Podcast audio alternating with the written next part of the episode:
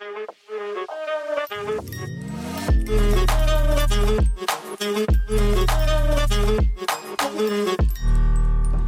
näst på tur är då um, samtal om svart historia med Lema, Amat Levin och moderatorn Shora Ismailian. Vem är då Amat Levin? Jo, Amat Levin är författare, journalist och folkbildare och skapare av kontot, Instagramkontot Svart historia. Shoran Ismailian är också författare och journalist. Välkomna upp. Ge dem en varm applåd.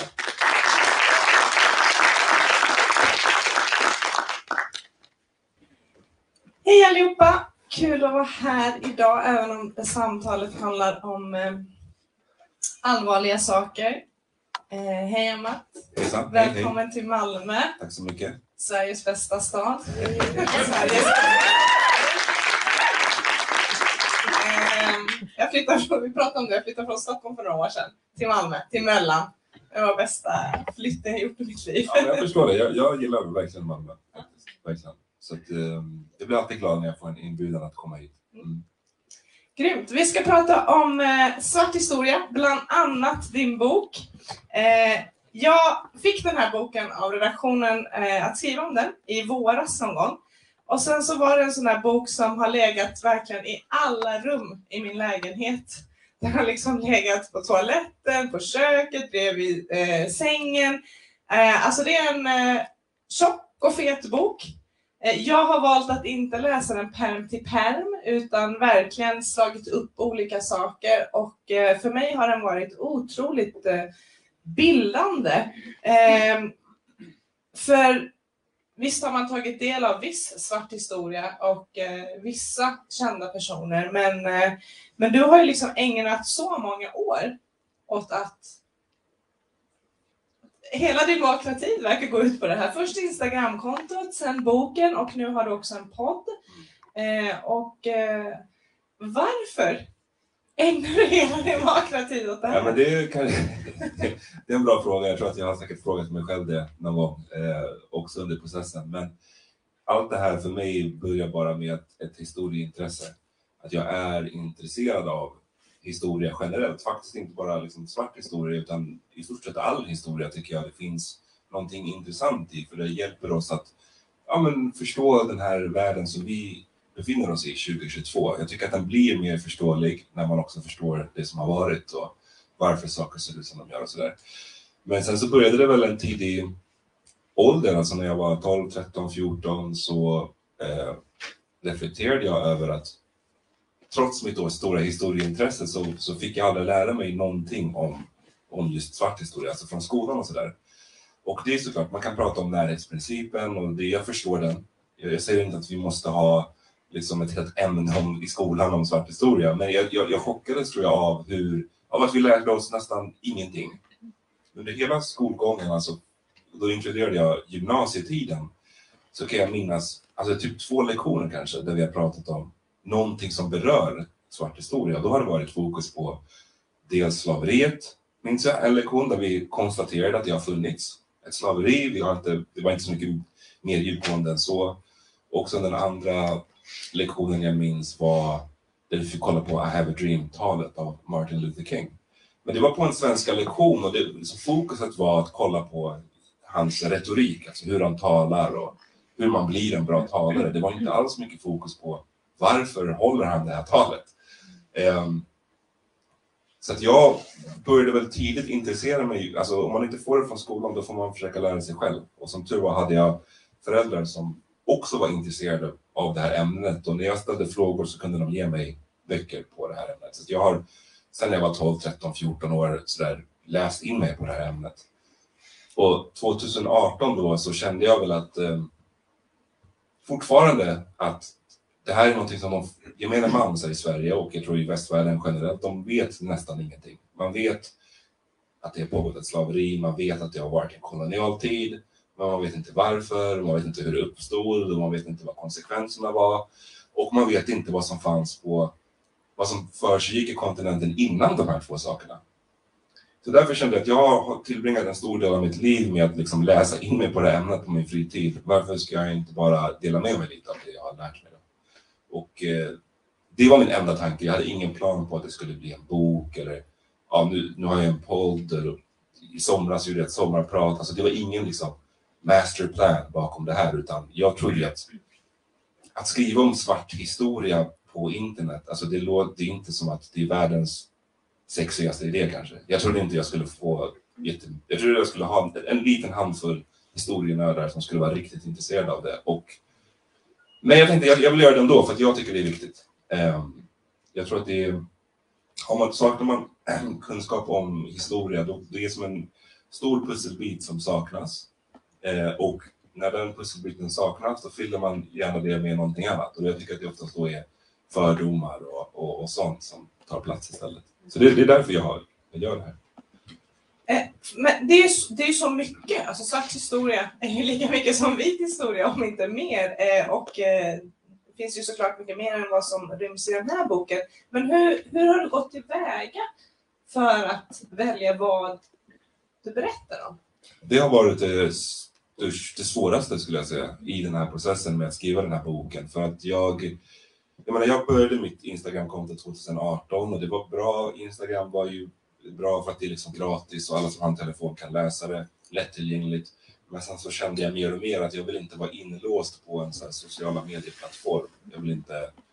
Ja, men man ser nu med bråket med Twitter och Elon Musk och hur, jag vill inte att så här, jag kände, slogs bara av känslan av att allt jag skriver på Instagram ägs av ett företag. Så jag ville liksom få det att leva i den riktiga världen och därför blev det en bok. Men då när man ger sig själv uppdraget att skriva om svart historia, det är ju ett omöjligt uppdrag egentligen för att ämnet är för stort. Det finns ju hur mycket det berör, det här ämnet berör ju oräkneligt antal människoliv, så många olika kulturer. Hur ska man, hur ska man, ja, hur ska man få plats med det i en bok? Så att jag tror att jag tidigt i processen, så, så här, min, min ambition har aldrig heller varit det fick jag konstatera tidigt i min arbetsprocess och det skriver jag tror jag på i bokens första sidor att det här är inte en bok som jag har skrivit för att man ska säga det här är den enda boken du behöver liksom läsa om svart historia. Du kan låna eller köpa den här och sen kan du bara kasta alla andra böcker. Det, det, är inte det som har varit poängen utan poängen har väl varit det motsatta i att försöka väcka folks intresse. Alltså att få folk att inse hur mycket, det är, hur mycket kunskap man har gått miste om och sen väcka folks intresse så att de ska läsa vidare. Um, men för att sålla i allt det här materialet så har jag väl jobbat mycket med balans. Eh, det har varit ett ledord för mig i att jag har dels försökt ha en balans i det geografiska, att försöka täcka in de olika delarna av Afrika, men också täcka in andra delar i världen där svarta människor har haft sin historia. Så Nord och Sydamerika, Karibien, Mellanöstern, Europa. Jag har något kapitel om liksom Östasien också. Um, och sen har jag försökt ha en balans vad gäller att inte bara skriva om eh, stora kungadömen och sånt, utan också ibland gå ner på individnivå och skildra hur det var för vissa eh, individer. Och när jag gör det, när jag berättar om individer, så har, har jag haft också ambitionen om att det ska vara lika många män som kvinnor ungefär, som jag berättar om. För att annars när man läser historieböcker så kan man bara ibland så bläddra sida efter sida efter sida och så får man intrycket av att det inte ens fanns kvinnor på den tiden. För att liksom, det, det är bara männen som skildras. Ehm, så det har jag, jag har inte velat liksom gå i den fällan och därför har jag velat skildra mycket kvinnoöden här och det kräver tyvärr ofta att man gräver djupare. För det som finns på ytan är oftast bara vad män, gjort, vad män har gjort och gärna också då vad stora män har gjort, alltså kungar och liksom adelspersoner och så vidare. Och sen så har jag väl försökt få en balans vad gäller tidsspannet. Alltså, det första kapitlet utspelar sig 3000 år före Kristus. Jag tror det sista utspelar sig kanske för 20 år sedan. Så någorlunda jämna nedslag under den otroligt långa tidsspannet. Men eh, precis, det är ett urval och det är en det är tänkt som kanske så här, att man ska som sagt få ett intresse för och sen så eh, fördjupa sig ännu mer. Det är det som har varit poängen med boken. För att varje grej jag väljer att skriva, skriva om, det finns ju så mycket som jag inte har fått plats. Och det är inte för att det inte är viktigt eller för att det är bara det, alltså boken är redan 460 sidor någonting. Jag ville, för att vara helt ärlig, inte skriva en bok som var liksom 1000 sidor. Jag vill inte skrämma bort alla läsare. Så det, det, det är, så det är så man ska förstå den. Och, och varje kap, du får stoppa mig om jag blir för långrandig, men varje kapitel följs också av en sån här läslista. Tyckte du att, hittar man någonting i den här boken som man tyckte var intressant, då är det en lång lista på vad de så att säga riktiga historikerna har skrivit på ämnet så att man kan liksom fördjupa sig mera. Det är poängen. Och det, eh, det är fantastiskt för det blir så lättillgängligt när, när kapitlen är korta. Eh, och, man, och du skriver ju på ett språk som ja, vem som helst, även liksom högstadieungar kan, kan alltså inte Nej, jag förstår. Den är, lättillgängligt språk helt enkelt. Och, och eh, eh, jag, jag har tyckt väldigt mycket om, om att det är liksom ja men nu lärde jag mig om det här och sen så intresserar det mig och så går jag vidare och faktiskt läser. Det är väldigt bra att du uppger källor. Men för mig har det också varit, alltså visst du har skrivit om kungadömen och så vidare, men den röda tråden när jag har läst den här boken nu eh, och då läst lite här och där eh, eh har varit motstånd. Eh, och att svart historia är så fyllt av motstånd. Och eh, jag tänkte att du skulle prata lite om det, för, för, när du börjar med din podd också så är det de första avsnitten så handlar det om revolutionen i Haiti som är liksom en av de absolut eh, mest kända eh, revolutionerna som svarta människor har genomfört. Eh, så jag tänkte fråga dig kring det.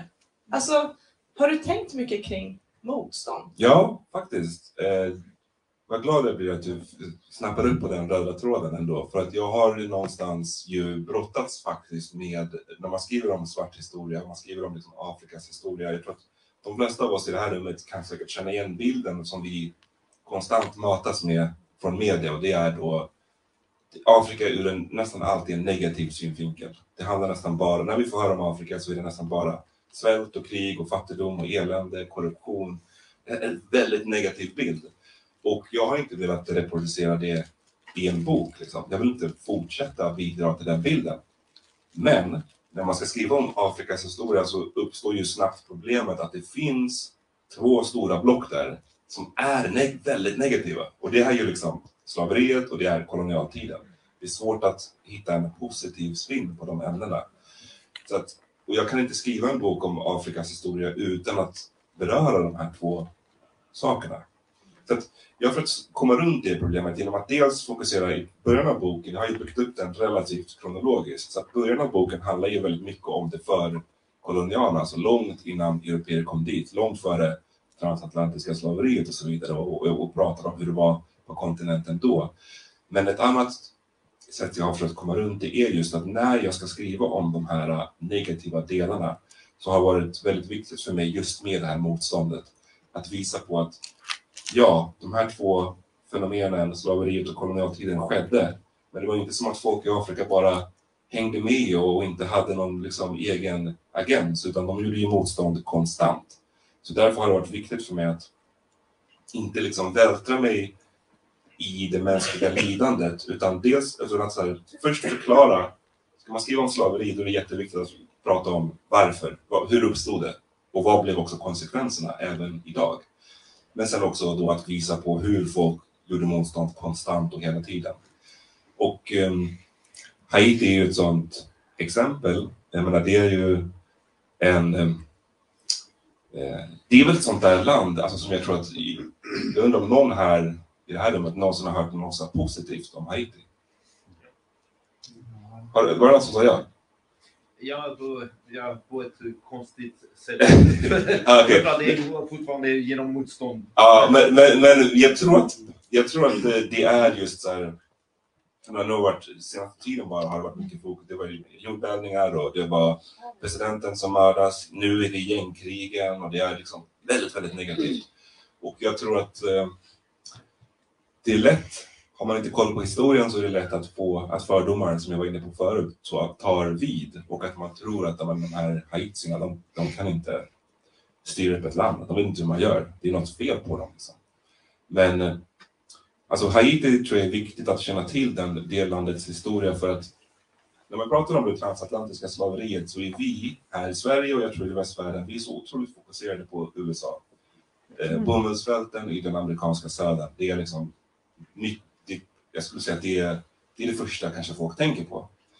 Och vilket har att göra med filmer och tv-serier och, och, och, och sånt som vi har sett genom åren. Men en av mina bästa vänner är amerikan, svart amerikan. Jag frågade honom, man brukar säga att ungefär 12 miljoner afrikaner skeppades från Afrika till den så att säga nya världen under det transatlantiska slaveriet. Hur många av de här 12 miljoner människorna tror du kom till USA? Och han sa, jag vet inte, kanske 10. Så men, och det, det säger kanske någonting om också lite så här, om den amerikanska, så här, man tror att man står i centrum alltid, men, det, men jag tror att den riktiga siffran är ungefär 400 000. Och, eh, så det är en väldigt liten del av alla de här 12 miljonerna. Och den stora majoriteten kom ju framförallt i Brasilien, 5 miljoner människor. Andra plats var det Karibien. Så de här öarna som vi idag känner till som Barbados och Kuba och eh, Dominikanska republiken och Jamaica och Haiti. Så att Haiti brukar vara det som vi idag känner till som, det har det här namnet, så det fattigaste landet på det västra halvklotet. Men på 1600 och 1700-talet så brukade det heta Saint-Domingue. Det var en fransk koloni och det var den rikaste franska kolonin eh, i hela det franska imperiet. Ehm, och jag tycker att det är viktigt att lyfta även hur det har varit liksom, för de förslavade människorna även utanför USA, för det skiljer sig en del. Och det som sticker ut på Haiti var att man har att göra med vad man odlade där. Det var socker. Eh, I Europa så eh, hälften av allt kaffe vi drack kom från San Domingue eh, på den här tiden. En tredjedel av allt socker vi konsumerade kom också från San Domingue. Och för att göra det här möjligt så hade man ju då eh, slavarbetare. Men det som gör att det sticker ut på, på då San Domingo var att man, här, att, att just odla så mycket socker, de här sockerplantagen, det är en väldigt krävande växt att odla. Och eh, till skillnad från då USA där det kanske är ett sånt himla stort land, det fanns större chanser för det att kanske jobba med som förslavad person, att jobba med andra saker. Inte att säga att det var lätt. Det är alltid ett hemskt öde att vara en förslavad person såklart. Men eh, om du kanske var i USA hade du kanske en större chans att få jobba i ett hushåll eller att få jobba med att plocka bom- bomull och det är hemskt men fortfarande lättare än att stå på ett sockerplantage. Eh, och de tvingades ut på de här plantagen i upp till 12 timmar om dagen, måndag till lördag, vecka efter vecka, år efter år. Och till skillnad från i USA där många av de som ägde slavar såg dem som en investering. Om du var en fattig bonde i den amerikanska södern, då kanske du sparade ihop pengar under ett par år för att ha råd att köpa en människa. Och då när du har gjort den här investeringen så är det ju i ditt intresse att eh, ja, åtminstone göra situationen dräglig nog så att personen överlever, så att den kan fortsätta jobba för dig. Återigen, jag säger inte att det här är en bra situation att vara i, men personen överlever i alla fall. Det är liksom någon slags minim, eh, minimum. Men på San Domingo för att det här arbetet med att utvinna sockret redan var så brutalt, eh, så började, man brukar säga att upp till 50 procent av alla de försörjade människorna som kom till San Domingo, de dog inom bara ett par år. Eh, som hälften. Det, och det, det här bidrog till att man såg dem till slut inte som en investering utan som förbrukningsvaror. Alltså istället för att satsa pengar på att eh, göra tillvaron lite mer dräglig så tyckte man att det är mer lönsamt att köpa in en person, jobba ihjäl honom, när han dör, köpa in en ny. Och, och så fortsatte det och vissa år så importerade man ju hundra, liksom hundratusentals förslavade till Saint-Domingue. Jag får dra snabbversionen nu, jag ska försöka speeda upp det här för jag vet att det kan bli långrandig. Men, men eh, det här utmynnade ju efter många, många år i ett eh, frigörelsekrig där de förslavade, det hade ju importerats så otroligt många, så de förslavade var utgjorde ungefär 90 procent av befolkningen. De var ju i majoritet. Och till slut så lyckades de organisera sig och resa sig mot fransmännen. Och i det här då frigörelsekriget. Och man lyckades inte bara besegra fransmännen utan man besegrade också spanjorerna och eh, britterna som försökte lägga sig i konflikten. Och det här är ju i början, liksom slutet av 1700-talet, början på 1800-talet. Det här är liksom världens supermakter som man lyckades besegra.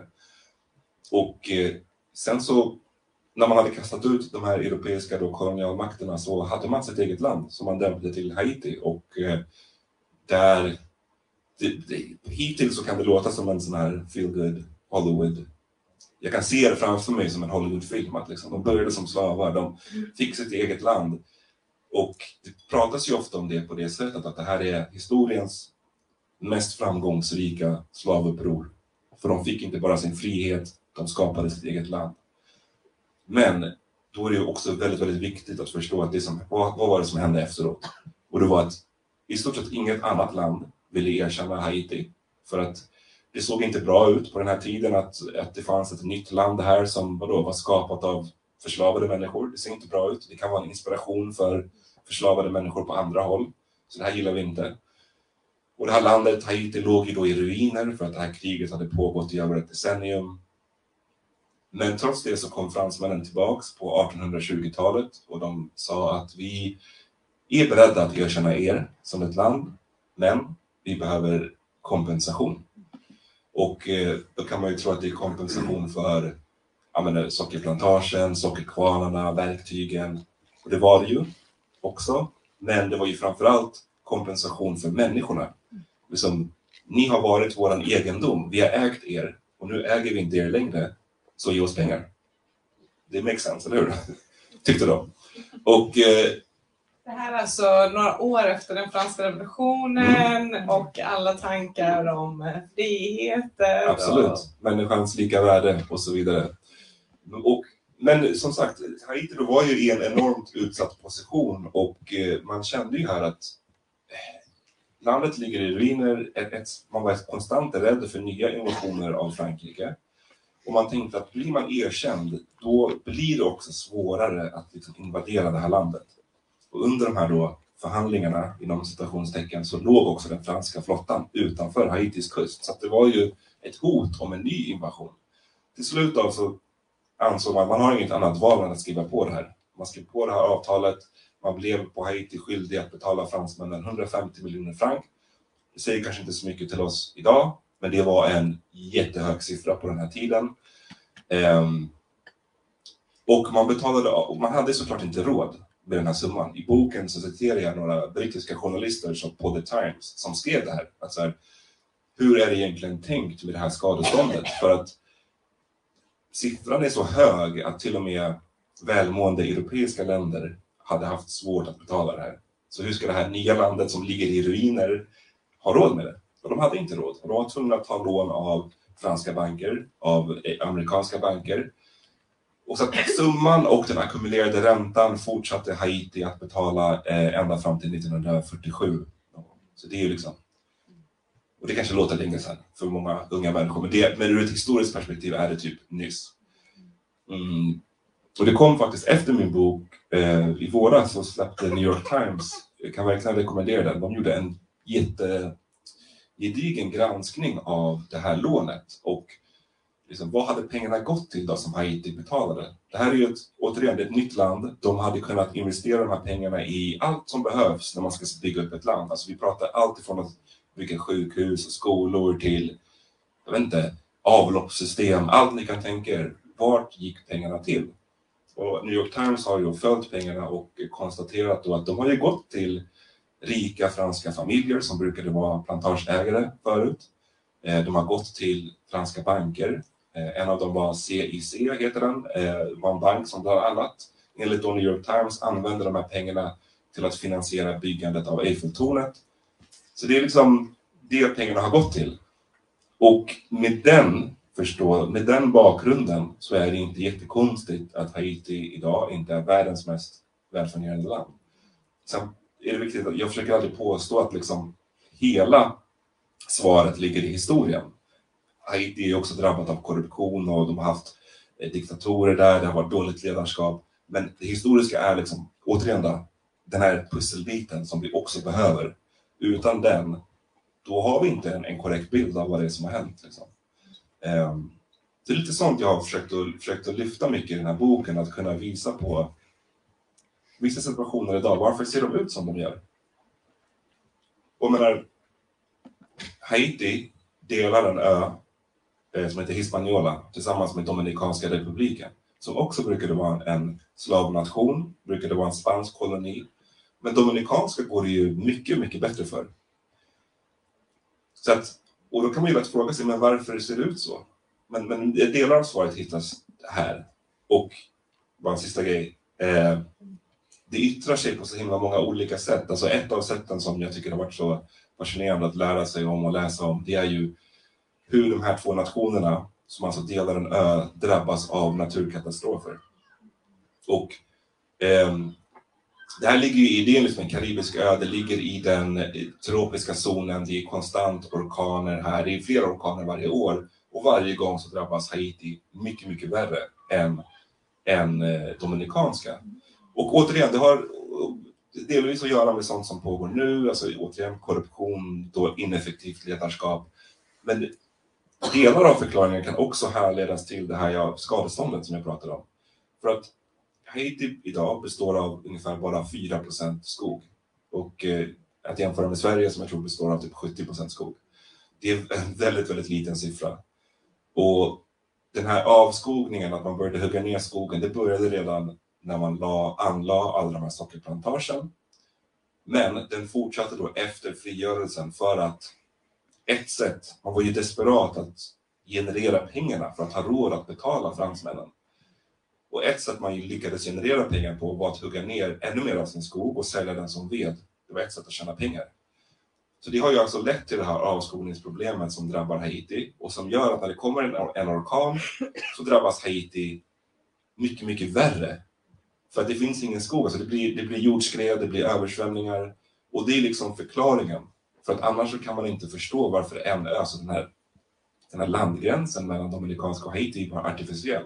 Man kan tänka sig att de borde drabbas lika, men det gör de inte och det kan alltså härledas, mycket, i alla fall delvis till det historiska.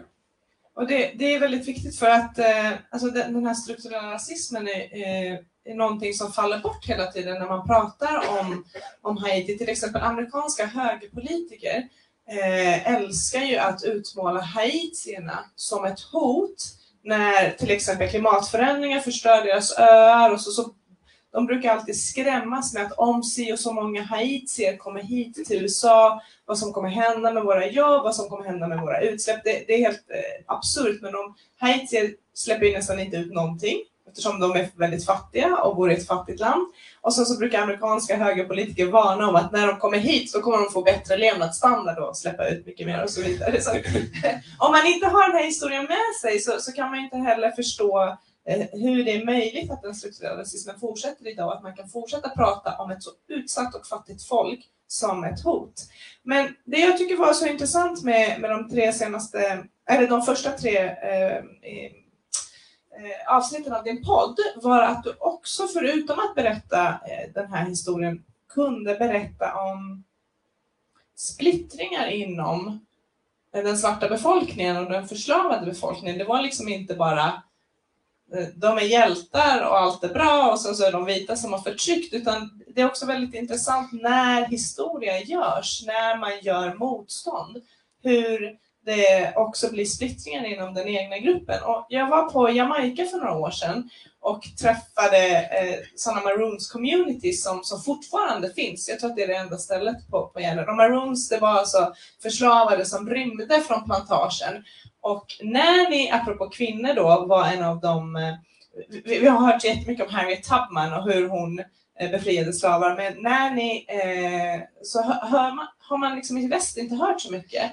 Eh, och det finns väldigt många legender om henne, bland annat att hon kunde ta kulor i baken. Eh, antagligen så kommer den legenden från att hon var en muslimsk kvinna och bad eller något liknande. Men, men det var väldigt intressant, när jag var där så, så snackades det fortfarande om svarta som inte blev maroons och hur de var eh, ja, helt enkelt sprang vitas ärenden och så.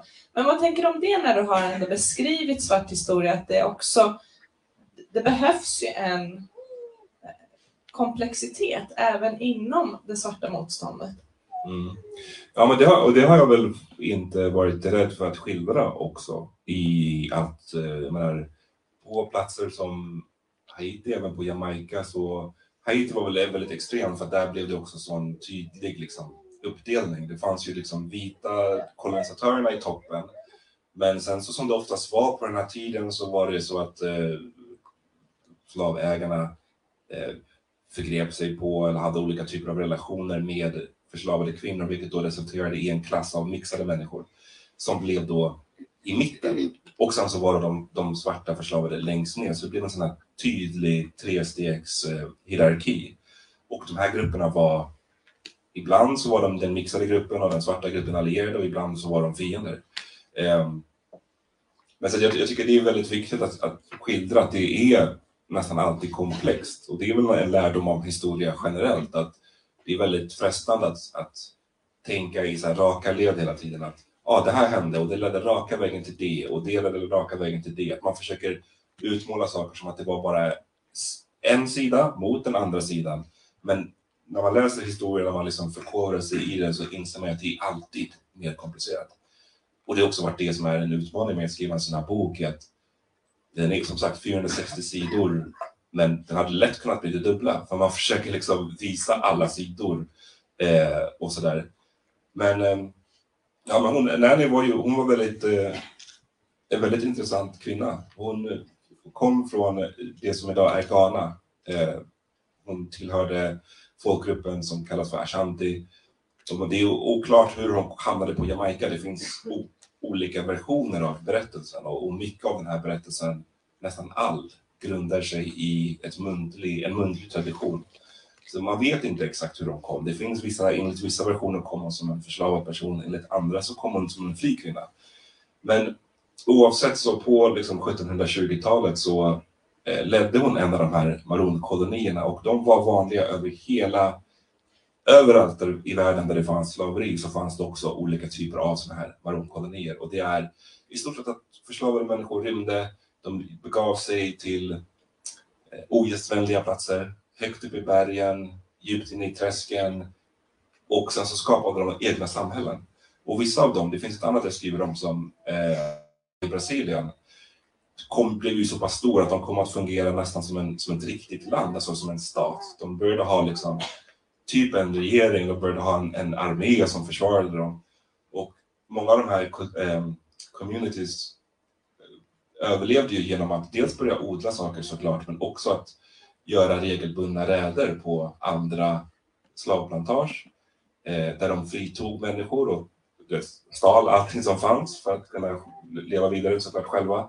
Och eh, Nanny och eh, de här, hennes då maroner som hon ledde, de klarade sig rätt bra. De stred mot britterna som då koloniserade Jamaica. Eh, krigade mot de här maronkolonierna flera gånger, men de lyckades aldrig besegra dem helt. Eh, vilket har att göra mycket med den här terrängkännedomen, att de här förslavade människorna, de lärde ju känna de här ogästvänliga terrängerna mycket bättre än vad de här brittiska soldaterna gjorde. Så de, de kunde liksom överleva där. Och eh, man brukar säga att under ungefär 30 års period som Nanny ledde de här maronerna så fritog de ungefär tusen, upp till tusen förslavade människor.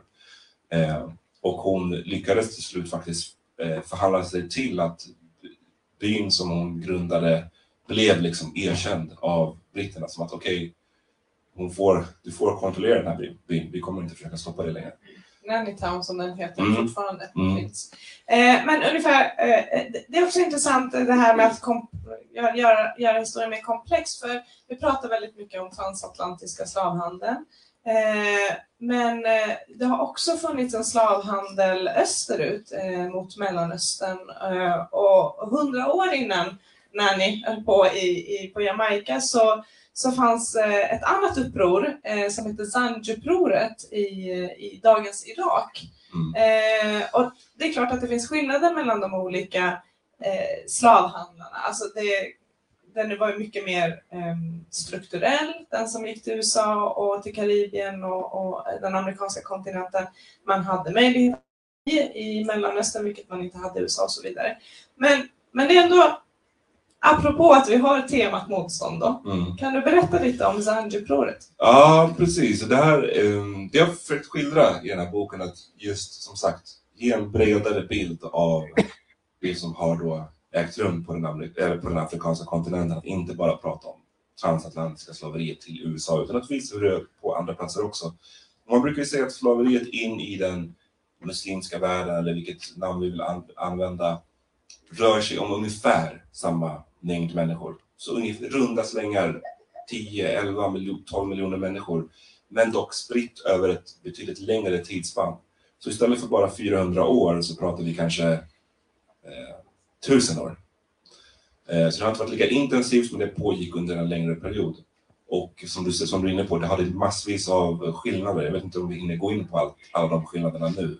Eh, men det var inte lika, lika fokuserat på just ras och hudfärg om man säger så. I den muslimska världen tog man ju slavar som också var europeer. På samma sätt som europeer tog slavar som var muslimer. Och, ja, ni fattar. Eh, men ja, det här ägde ju rum på eh, så här, redan på 1600-talet så var det ju ett, ett kalifat, Abbasid-kalifatet, som tog över eh, som den stora stormakten helt enkelt i den muslimska världen. Och de var, det var de som grundade Bagdad, eh, som blev en sån en av världens viktigaste städer på den här tiden för liksom, vetenskap, för handel. Ehm, och i södra då Irak och södra Iran så finns det en del träskmarker som man var intresserad av att eh, dränera för att kunna bereda plats för olika sorters odlingar. Och i det här arbetet så använde man då förslavade människor som kunde komma från stora delar av världen. Det var inte bara svarta människor, men en, en stor andel av dem var svarta afrikaner från det som då araberna kallade för Sanj, vilket är den sydostafrikanska kusten. Det betyder ungefär de svartas land. Man kallade också inte bara det här området för Sanj, utan man kallade befolkningen därifrån från Sanj. Och det här var ju väldigt, alltså på många sätt också väldigt brutalt. Det kan inte ha varit eh, kul, ett roligt öde att, att hamna i slaveri där. Det var väldigt brutalt, mycket straff, mycket man levde osanitärt tätt ihop med varandra i de här fuktiga miljöerna, myggen, värmen, ni kan tänka er. Och, och, och de här människorna hade försökt eh, göra uppror flera gånger tidigare, men på eh, 800-talet så eh, uppstod en, en rätt mystisk person som heter Ali ibn Muhammed som man inte vet vart kom han ifrån. Eh, Okej, okej, jag försöker... Det, det här är mitt fel, du hinner inte igenom liksom, hälften av dina frågor, det är för att jag pladdrar på så mycket. Sorry, men det är, det är för att de här frågorna är så... De är komplexa, det är svårt att förklara dem på ett så här, en one-liner liksom. Eh, så sorry, men... men eh, vad skulle jag säga? Jo, 800-talet så uppstod den här mannen då, Ali Mohammed, och man vet inte riktigt vad är hans bakgrund. Enligt vissa versioner, han var arab, enligt andra versioner så var han iranier, enligt andra versioner var han till och med slavättning. Han hade rest runt i det här kalifatet under rätt lång tid och försökt typ uppvigla, försökt eh, få någonting att hända, försökt få ett följe, predikat och hade väl inte lyckats jättebra. Men när han kom då till Basra, vilket var ett område där många av de här förslavade människorna fanns, så började han intressera sig för deras öde. Och han tänkte att det här följet som jag har varit ute efter, det kanske är de här människorna. Och han eh, lovade dem rätt mycket att liksom, om ni följer mig så ska jag eh, se till att det här livet, det här hemska livet ni lever nu, det kommer vara ett minne blott. Eh, och det här då ut, upp, utmynnade i ett, ett stort uppror som man då idag kallar för Sanj-upproret. Eh, och det här stora, ni måste, komma, ni måste tänka att det här Abbasid-kalifatet, det är liksom det är en sån supermakt verkligen. Alltså tänk er typ USA idag eller någonting. Eh, och de tog inte det här upproret på allvar till en början. Eh, och man hade lite andra ekonomiska problem inom kalifatet. Det var andra uppror i Egypten och Syrien och sådär. Så man var distraherad. Tills att då de här förslavade människorna lyckades ta över Basra, vilket var en viktig stad. Eh, och då började man då ta det här på stort allvar och eh, igen, jag får dra snabbversionen, men eh, det här, man brukar väl säga att det här upproret varade i ungefär 15 år. Och till slut, med stor möda, så lyckades kalifatet då slå ner det. Eh, men det fick ju sina konsekvenser, dels materiella, alltså all, all, all, eh, alla ekonomiska förluster. Man pratar om ett stort, eh, för, en stor förlust av liksom människoliv. Och det här är så, här, det är så länge sedan, det är 800-talet, så att siffrorna är ju svåra att, att säga exakta. Jag har sett de låga siffrorna säga att ungefär tiotusentals människor dog den högsta siffran jag sett säger att 2,5 miljoner människor dog. Så att liksom, ah, ja, väl, väl någonstans där i mitten så stämmer det kanske. Men eh, framförallt en annan effekt var ju att man då inom den muslimska världen blev rätt skraj för det här och man, många historiker som menar att det här bidrog till att det här plantage och jordbruksslaveriet liksom blev rätt opopulärt, alltså man minskade med det rätt rejält. Och det kan man ju dock se att för förslavade människor i den muslimska världen så var det kanske inte vanligast att du var ute på ett fält, på ett sockerplantage som på Haiti, utan du kanske var betjänt eller du kanske var en soldat eller du kanske hade ja, andra typer av yrken. Liksom. Så det fick stora konsekvenser. Mm. Så tack vare motstånd så, så blev det lite mildare. Men eh, ja, jag hade tänkt prata, jag kunde prata med dig i flera timmar om det här. Eh, eh precis som, som eh, eh Nanny och Kodjo på eh, Jamaica använder sig av Blue Mountains och, och djungler för att göra motstånd så, så använder ju eh, sla, förslavade människor i, i de här våtmarkerna i Zanjiproret, alltså den vilda naturen har liksom eh, kunnat hjälpa till eh, motståndet.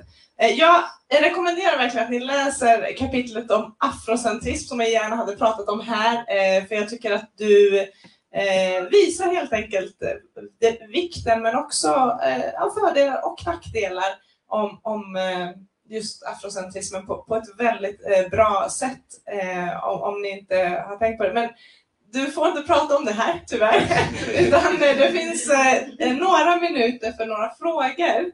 Eh, så det är därför jag säger folk får, får, får, lyssna, eller får läsa om afrocentrismen. Sen hoppas jag att det kommer ett eh, eh, i podden. Att Ja, just det. ja om men det, det kommer säkert göra. Mm, Mm. men eh, så jag tänkte kolla, är det någon som har någon fråga? Vi har tid för kanske, ja, det beror på hur mycket du babblar, men eh, två, tre frågor. Vi har en mik här. Oj. Hej, tack så jättemycket. Det är verkligen eh, intressant. Jag känner också att jag kan sitta och lyssna väldigt länge nu. Både sättet att berätta som berättelse men också innehållet. Eh, jag har en fråga eh, till dig. Att, hur känner du att boken påverkade dig? Känner du att det var någon skillnad med dig som person efter att ha gått igenom hela den researchen och sen skrivit den boken? Och? Mm. Du får inte svara, för du kommer svara jättelångt. Så Ja. vi tar två frågor till. Okej. Här också. Ska? Den här kan man kasta också. Okej. Tack så mycket. Ja, jag tänkte bara snabbt, eh, eftersom som jag inledde, vi brukar ju ha den här konferensen 9 oktober för att belysa just Sveriges roll. Ofta brukar i Sverige brukar prata om andras roll i slavhandeln, men aldrig gör Sverige så. Jag skulle vilja höra lite grann om Sverige. Yes, jag kommer ihåg din fråga. Jag ska, jag ska svara på den också. Men ja, jag skriver också om svarta människors historia kopplat till Sverige en hel del i den här boken. Och det är delvis personer som har, alltså afrikaner som har varit i Sverige. Ibland så tror folk att, min första bok skrev jag om relationen mellan Sverige och Gambia. När jag gjorde det så fick jag känslan av att folk tror att svarta människor kom hit första gången på typ 70-talet. Men så är det inte, utan det har funnits i hundratals år. Många av dem lyfter jag i boken, men så skriver jag också om just Sveriges egna försök att ge sig in i den transatlantiska handeln. Och det, som jag var inne på i början, att vi får nästan lära oss ingenting om slaveriet. Men även när man får lära sig om det, i alla fall när jag gick i skolan, så var det inte ett ord om att Sverige också har hållit på med det här.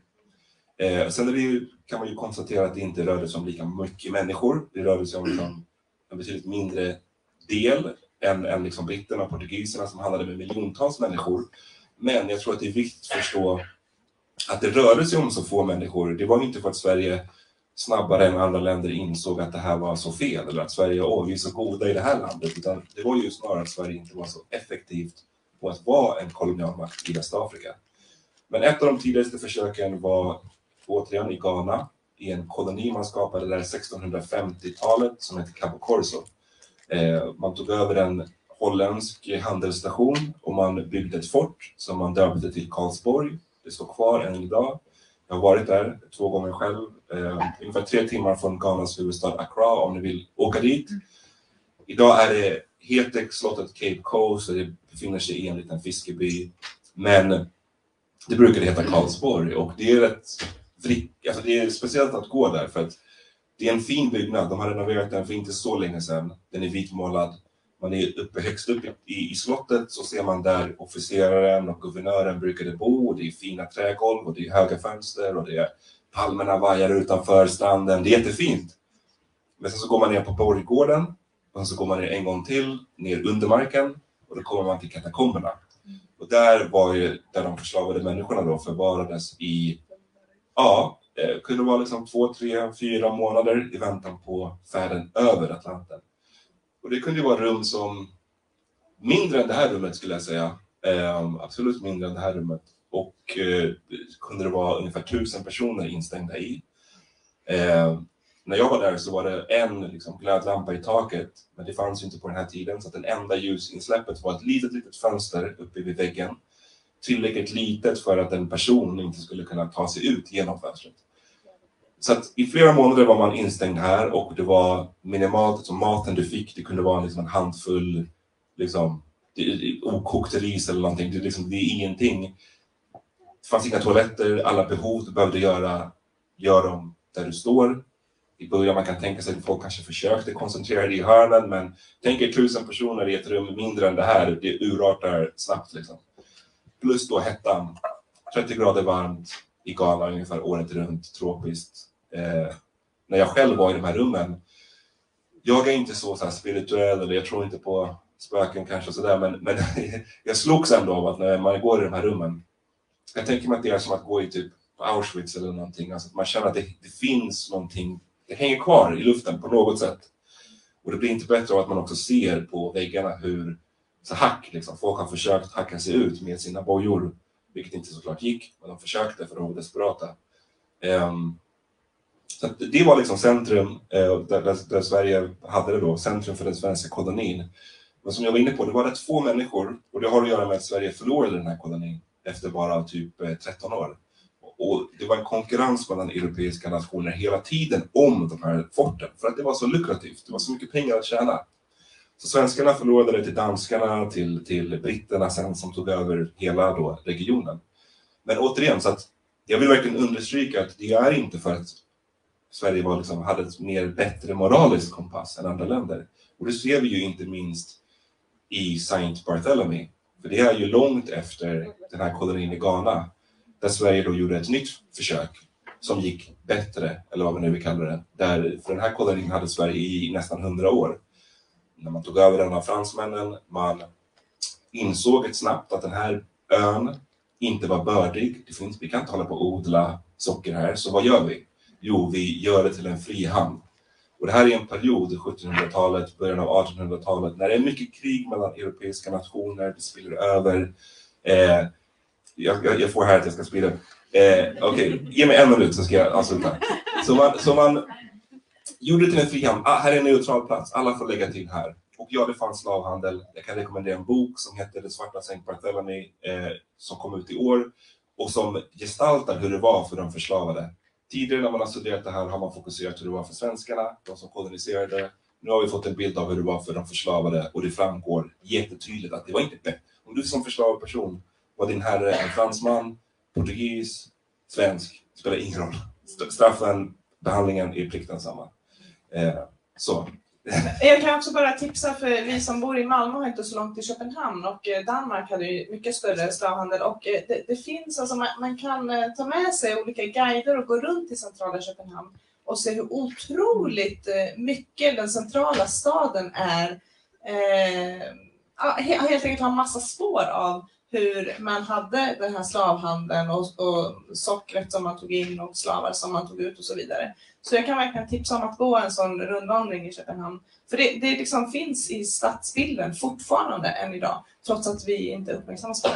Men du ska också få fråga vad, hur vad boken gjorde, hur den påverkade dig, eh, innan vi tyvärr måste sluta det här samtalet. Jo, men den påverkade mig kanske framför allt av att jag har ju lärt mig otroligt mycket. En, en hel del av det här kunde jag innan, eller jag kunde det kanske på en viss nivå. Men genom arbetet med den här boken, jag kan säga att under 2021 när jag skrev den här, jag hade liksom inget liv, utan allt som inte gick till att vara en pappa till mina barn eh, gick till att skriva den här boken. Eh, så att jag har ju verkligen läst kopiösa mängder material för att kunna skriva det. Och det tyvärr, eller jag vet inte om det är, om det är ett tyvärr, men jag, man har behövt att, jag har behövt att stålsätta mig. Faktiskt. Eh, för att det, jag vill också bara understryka det, det är inte bara hemskheter i den här boken, det finns jättemycket positiva berättelser också. Eh, men de hemska berättelserna är ibland så otroligt hemska att man kan liksom inte ta in dem. Jag kan inte liksom bli, låta mig själv bli personligt berörd, för då skulle jag inte alltså då skulle jag inte kunna fokusera typ. Så man måste liksom ha lite av en distans till allting för att kunna skildra det. Och det kommer ni märka i, om ni läser boken, att språket är rätt neutralt. Och det är för att jag känner att jag behöver inte krydda det här med någonting. Det, det, det framgår rätt tydligt vad det är som har hänt och vad också konsekvenserna har varit. Och varför vi måste fortsätta prata om de här frågorna idag. Jag måste ställa en fråga som är jätteviktig tycker jag, om det går bra. Och fråga konferencieren här. Jag tänker så här. Ja, jag tänker så här, vi har paus nu så det är kanske det ska ta. Frågorna ska vi kanske ta på pausen för att vi vill gärna hinna med allting och vi har fullspäckat eh, schema. Men jag vill tacka Amat och Shora. Tack så mycket. Tack så mycket.